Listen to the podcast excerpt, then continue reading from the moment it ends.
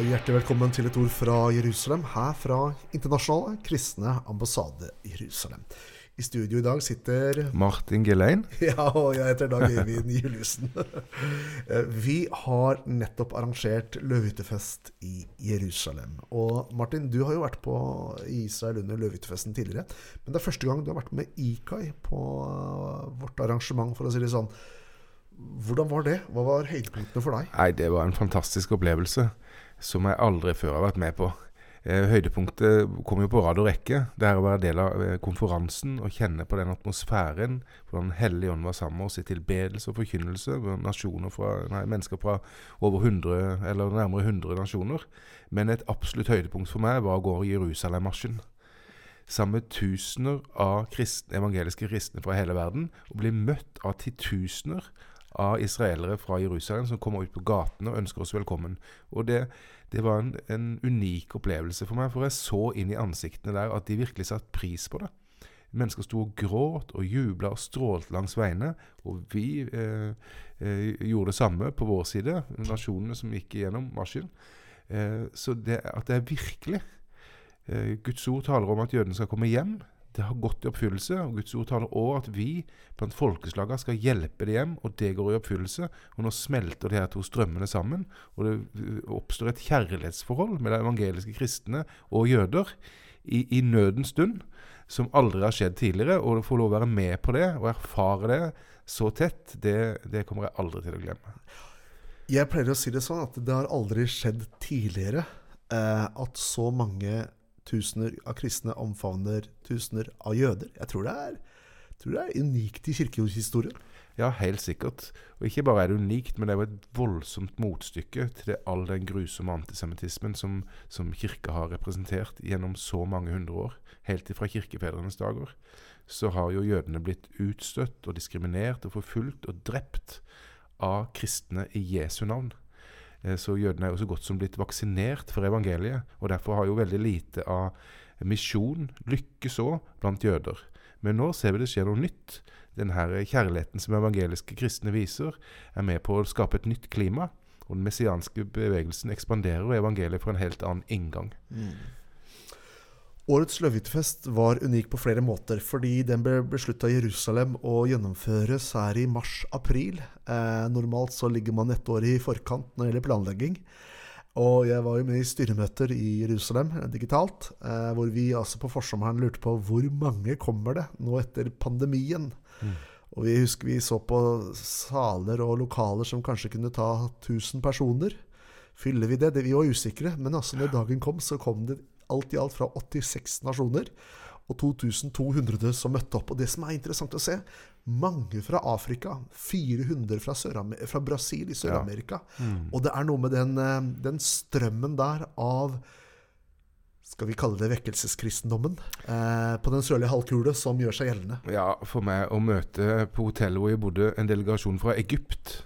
Med, med, med brennende evangeliske kristne fra Egypt. Vi traff eh, iranere, eh, tyrkere, arameere, folk fra flere land i Midtøsten som brenner for evangeliet og for Jesus og for Israel. Det er interessant. Ja, virkelig.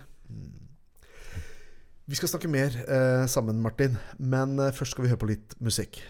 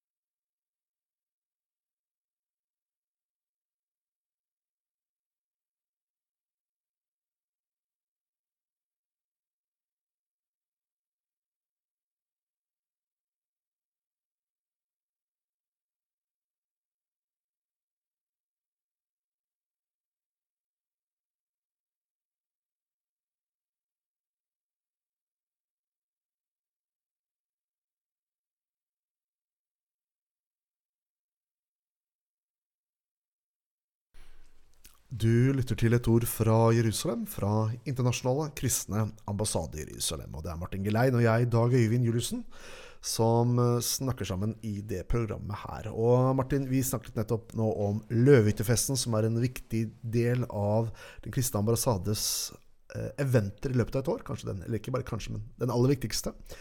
Eh, men en annen sak som IKA også er tungt engasjert i, det er jo å være med å hjelpe jøder som vil immigrere hjem til Israel. Og der pågår det nå en ganske kraftig eh, strøm av jøder som immigrerer til Israel. Ja, det er høyere tall enn vi har sett på flere tiår. Eh, vi må helt tilbake til 90-tallet etter jernteppets fall for å se så høye tall. Eh, til nå i år så har det immigrert 52 000 jøder hjem til Israel. Ja. Eh, bare i, altså fra januar til september. Og vi må tilbake til 90-tallet for å få så høye tall. Der var det mellom 60 og 80 000 jøder som kom hjem hvert år, med rekordår i 90 og 91 med 199 og 176 000 wow, jøder. Tenk på det. Så det var store tall. Og det, det skjer det samme igjen. Mm. Eh, det er nød i Europa. Eh, de som kommer nå, 50% har kommet fra Russland, og 25% har kommet fra Ukraina. Så det er de her områdene som eh, flest jøder nå immigrerer fra. Det er jo interessante tall at det er flere jøder som immigrerer fra Russland enn fra Ukraina i den situasjonen som er nå, til ja, Israel. Ja, Putin strammer grepet på flere måter, og, og, og det er et uh, hovedtema i det russiske samfunnet. Rabbinerne og overrabbinerne snakker om det. Eh, og nå legges det til rette for at eh, immigrasjonen for russiske jøder, eh, prosessen skal gå mye fortere. fordi at man venter seg at det kan skje nye grep som gjør det enda vanskeligere å reise ut. det som var spennende Jeg var i, i Haifa tidligere år og så på det hjemmet som vi driver der for holocaust-overlevende. Og Der var det jo kommet var det 16 stykker som ikke hadde vært med å hente ut fra Ukraina, fra krigssonen, og gitt plass på, på aldershjemmet vårt der i Haifa det var veldig sterkt å se de takknemlige ansiktene. Eh, så de kommer fra Ukraina, de kommer fra Russland. Eh, og de kommer hjem til Israel, og vi får lov å være med og hjelpe dem. Vi har vært med å hjelpe en del så langt i år. Ja, 3263 er det eksakte tallet jeg fikk for noen dager siden ja. fra hovedkontoret i Jerusalem. Og 1000 av de er fra Ukraina. Ja. Og det her hadde jo ikke vært mulig uten alle giverne som står sammen med oss, eh, ikke bare her i Norge, men også internasjonalt. For dette koster jo millioner. Eh, jeg så noen tall for en del år tilbake at da hadde vi brukt nærmere en halv milliard kroner på å være med å hjelpe jøder tilbake til Israel. Mm. Eh, det hadde jo ikke vært mulig uten den enkelte giveren. Nei, og på, på en måte kan det føles litt litt naturlig og litt selvfølgelig for oss som lever i denne tida. For vi er vant til at det her skjer. Men, men eh, det er jo bibelhistorie som skrives. Vi kan lese i Nehemia og Esras bok hvordan Gud inspirerte mennesker, både ledere og enkeltmennesker, til å reise tilbake og gjenoppbygge Jerusalem og bygge murene. Og det var mange forskjellige eh, eh, deler som skulle til for at det skulle lykkes. Og i vår tid så gjør han det igjen, og vi er invitert til å være en del av det. Eh, så det her er stort. Mm. Og det er jo noe som først og fremst pågår i vår generasjon, at kristne engasjerer seg. Eh, vi vet jo at jødene har kommet hjem nå over en del tiår, men det er jo vår generasjon, i vår samtid, at eh, kristne globalt engasjerer seg på den måten de gjør i forhold til, til det jødiske folket. For det er kirkehistorisk unikt. Vi har sett vekkelsen i England, som eh, århundrer var med og skapte en kjærlighet blant de vekkelseskristne til det jødiske folk. Mm. Eh, de var en nøkkel, faktisk, til at jødene fikk landet sitt tilbake i 1948. Ja. Og at England gikk i spissen for opprettelsen av Palestina-mandatet. Eh, og, det er en interessant del av kirkehistorien, det også, som er veldig annerledes enn resten av kirkehistorien. Og så ser vi altså noe av det i dag også. En, et skisma mellom ulike retninger, men hvor det er en voksende betydelig del av Kristi kropp globalt, så, kirken globalt, som, som, er på det sporet her. Og det er interessant. Ja, det er veldig spennende. Er jo, vi kjenner jo godt til at vi aldri hadde fått noen bibel eller noen Jesus eller noen ny pakt, og ikke noen helligånd eller noe evangelium uten det jødiske folket. Mm. Og det er altså like sant at det hadde heller ikke eksistert et Israel i dag eh, hvis ikke det var for, eh, for kristenheten. Og det har tidligere statsminister Benjamin Netanyahu sagt òg. Eh, og han har understreket at dere kristne dere var sionister før oss, sa han. For de evangeliske kristne fra like etter reformasjonens dager har vært eh, med på å legge til rette for jødisk immigrasjon og statens Israels gjenopprettelse, både på åndelig nivå, gjennom bønn og slikt, men òg eh, på politisk nivå, særlig gjennom Storbritannia. da. Ikke sant. Så det er spennende prosesser. Ja, det, det er en god arv som vi tar med oss videre. Virkelig. Vi har kommet til veis ende i dagens uh, sending av Et ord fra Jerusalem. Fra Internasjonale kristne ambassade i Jerusalem. Og det var Martin Gelein og jeg, Dag Øyvind Juliussen, du hørte i denne sendingen. Takk for oss. Gud velsigne deg.